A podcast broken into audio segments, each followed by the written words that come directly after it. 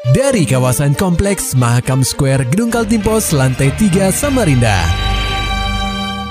96,8 KPFM Kita akan ikuti program KP Flash News.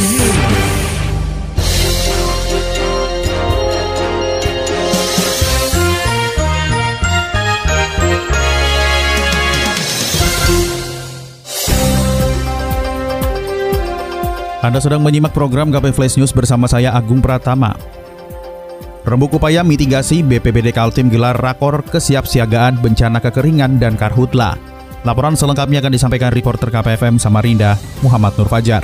Badan Penanggulangan Bencana Daerah atau BPBD Kaltim melaksanakan rapat koordinasi atau rakor kesiapsiagaan bencana kekeringan serta kebakaran hutan dan lahan atau karhutla pada Rabu 9 Agustus 2023 di Ballroom Hotel Haris Samarinda. Kepala BPBD Kaltim, Agustianur menyatakan, rakor ini dilaksanakan sebagai tindak lanjut dari rapat bersama Menko Maritim dan Investasi yang mengingatkan ada sekitar 8 provinsi yang harus mewaspadai bencana kekeringan dan karhutlah akibat dari fenomena El Nino.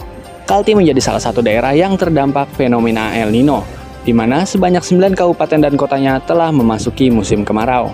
Hanya Kabupaten Mahakamulu yang mengalami anomali, sebab cuacanya tidak dapat diprediksi. Berdasarkan data yang diperoleh, kata Agustianur, titik panas atau hotspot paling banyak ditemukan di Kabupaten Berau dan Kutai Timur. Namun titik panas ini bukan timbul karena adanya karhutlah, melainkan area lahan yang memiliki suhu lebih tinggi dibanding dengan area lainnya. Tapi hotspot, ini, tapi baru hotspot titik panas bukan kebakaran hutan. Oh, ya. Oh, ya? baru hotspot Pak ya? Hotspot. Yang ada yang paling banyak di mana Pak? Berau. Oh, berapa paling banyak ya. uh, titik hotspotnya Ya, tadi? ya. Pak, itu tadi juga ada uh, statement dari uh, Pak Gup tadi ya yang menyebutkan bahwa dalam lima tahun terakhir uh, kejadian kebakaran di tahun 2019. 19 meningkat ya. Iya. Karena memang cuacanya kan ekstrim sekali kemarin itu kan ya. Yang di tahun itu. Iya. Nah dari uh, kejadian itu apa Pak yang bisa yang bisa nukan dijadikan uh, apa ya istilahnya nukan pegangan lah, nah, pelajar bagaimana Ya, itu untuk tadi. melihat ini nanti. Ya apa eh, seperti dinas kehutanan itu sudah sudah mulai lengkap peralatan eh, kan. Itu apa aja alatnya Pak? Ya, Macam-macam lah, Macam-macam. macam-macam alatnya. Dalam rakor tersebut, Agustianur menyampaikan bahwa secara umum, seluruh instansi terkait mulai dari instansi di lingkungan Pemprov Kaltim, serta TNI dan Polri, sudah siap menghadapi bencana kekeringan dan karhutlah.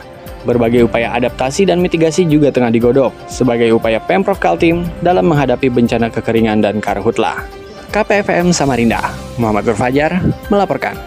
Pendengar KP, DPRD Kaltim resmi mencabut Perda nomor 8 tahun 2013 tentang reklamasi dan pasca tambang serta Perda nomor 14 tahun 2012 tentang pengelolaan air tanah melalui rapat paripurna ke-23 yang dilaksanakan di Gedung B DPRD Kaltim Rabu 9 Agustus 2023. Wakil Ketua DPRD Kaltim Seno Aji yang memimpin jalannya rapat paripurna mengatakan setelah terbitnya Undang-Undang Nomor 3 Tahun 2020 tentang mineral dan batu bara atau Minerba, perda tersebut dianggap sudah tidak relevan lagi untuk digunakan karena kewenangannya telah diambil alih oleh pusat. Seno mengatakan setelah dicabutnya kedua perda tersebut, DPRD Kaltim akan berkonsultasi dengan Kementerian Energi dan Sumber Daya Mineral atau ESDM untuk segera membuat peraturan baru dari turunan dari Undang-Undang Nomor 3 Tahun 2020 tentang Minerba.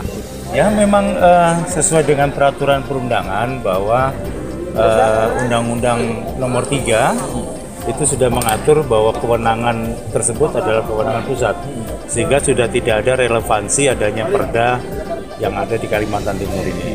Selanjutnya, politisi Gerindra ini menerangkan pihaknya tengah mempelajari aturan baru yang akan digodok sembari menunggu adanya peraturan menteri atau permen ESDM sebagai acuan untuk menerbitkan aturan turunan seperti peraturan gubernur atau pergub terkait dua perda yang telah resmi dihapus. Sementara itu, pendengar KP, kita beralih ke berita selanjutnya. Tarif bongkar muat di STS Muara Berau mulai dicanangkan. Laporannya disampaikan reporter KPFM Samarinda, Maulani Al-Amin. Kejelasan tarif aktivitas ship to ship atau bongkar muat di areal Pelabuhan Muara Brau, Kutai Kartanegara, menemui titik terang. Kasih lalu lintas angkutan laut dan usaha kepelabuhan KSOP Samarinda, Zulkadri Edi menerangkan, rekomendasi Kementerian Perhubungan Republik Indonesia telah terbit pada 24 Juli lalu. Sementara itu, penetapan tarif bakal disosialisasikan pada 21 Agustus mendatang. Terkait biaya yang dikenakan, kata pria yang akrab disapa Zul itu masih menunggu kesepakatan pihak terkait. Ada tarif yang uh, pasti yang belum mendapat persetujuan uh, karena masih ada tarik ulur lah kira-kira begitu. Oke. Nah, uh, ini kita tunggu momen uh, sosialisasi dulu. Tentu setelah penetapan tarif ada langkah-langkah selanjutnya seperti sosialisasi, terus kesepakatan ini kapan dimulainya mungkin nggak uh, saya nggak tahu nih kesepakatan antara para pihak ini kapan dimulainya launchingnya. Ketua Gabungan Pengusaha Ekspor Indonesia atau GPEI Kaltim, Muhammad Hamzah menyambut baik rencana penetapan tarif di Pelabuhan Muara Brau. Menurutnya, upaya tersebut akan menciptakan proses bisnis yang transparan. Terlebih, PT Pelabuhan Tiga Bersaudara sebagai pengelola kawasan pabean di perairan Muara Brau telah mengantongi izin lingkungan. Diharapkan dengan adanya kebijakan ini proses bongkar muat menjadi lebih tertib. KPFM Samarinda, Maulani Alamin melaporkan. Maulani Alamin, Muhammad Nur Fajar, KPFM Samarinda. Serta dapatkan berita-berita selengkapnya di www.968kpfm.co.id. Demikian tadi telah kita simak rangkaian berita-berita yang terangkum dalam program KP Flash News. Persembahan dari 96,8 KPFM. Terima kasih dan sampai jumpa.